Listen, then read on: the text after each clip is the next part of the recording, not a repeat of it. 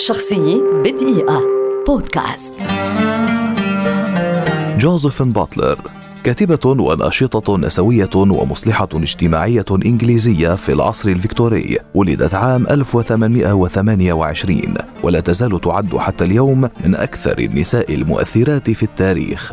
نشأت في أسرة ثرية ولديها صلات سياسية تقدمية وهذا ما ساعدها في تطوير وعيها الاجتماعي القوي وإيمانها الراسخ بالمثل الدينية. تزوجت وأنجبت أربعة أطفال آخرهم كان إيفا التي توفيت متأثرة بسقوطها من مكان عال. وكانت هذه الوفاة نقطة تحول لباتلر إذ ركزت مشاعرها على مساعدة الآخرين بدءا بسكان أحد المنازل الإصلاحية المحلية.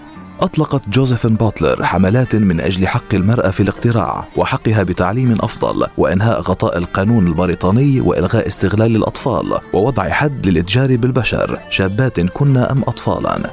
وفي عام 1869 شاركت في حملة لإلغاء قوانين الأمراض المعدية وقد حققت الحملة نجاحها النهائي عام 1886 بإلغاء هذه القوانين. كما شكلت الاتحاد الدولي المناهض لاستغلال البشر وساهمت بالضغط لإصدار قوانين تمنع تجارة واستغلال الرقيق الأبيض وطالبت بالتعليم العالي للنساء. كتبت باتلر خلال حياتها أكثر من تسعين كتابا وكتيبا. معظمها كان دعما لحملاتها رغم أنها أنتجت أيضا سيرا ذاتية قبل أن ترحل عام 1906 عن عمر ناهز 78 عاما تاركة مسيرة نسوية إنسانية حافلة بالإنجازات تستحق التحية والتقدير خاصة اليوم في اليوم العالمي للمرأة.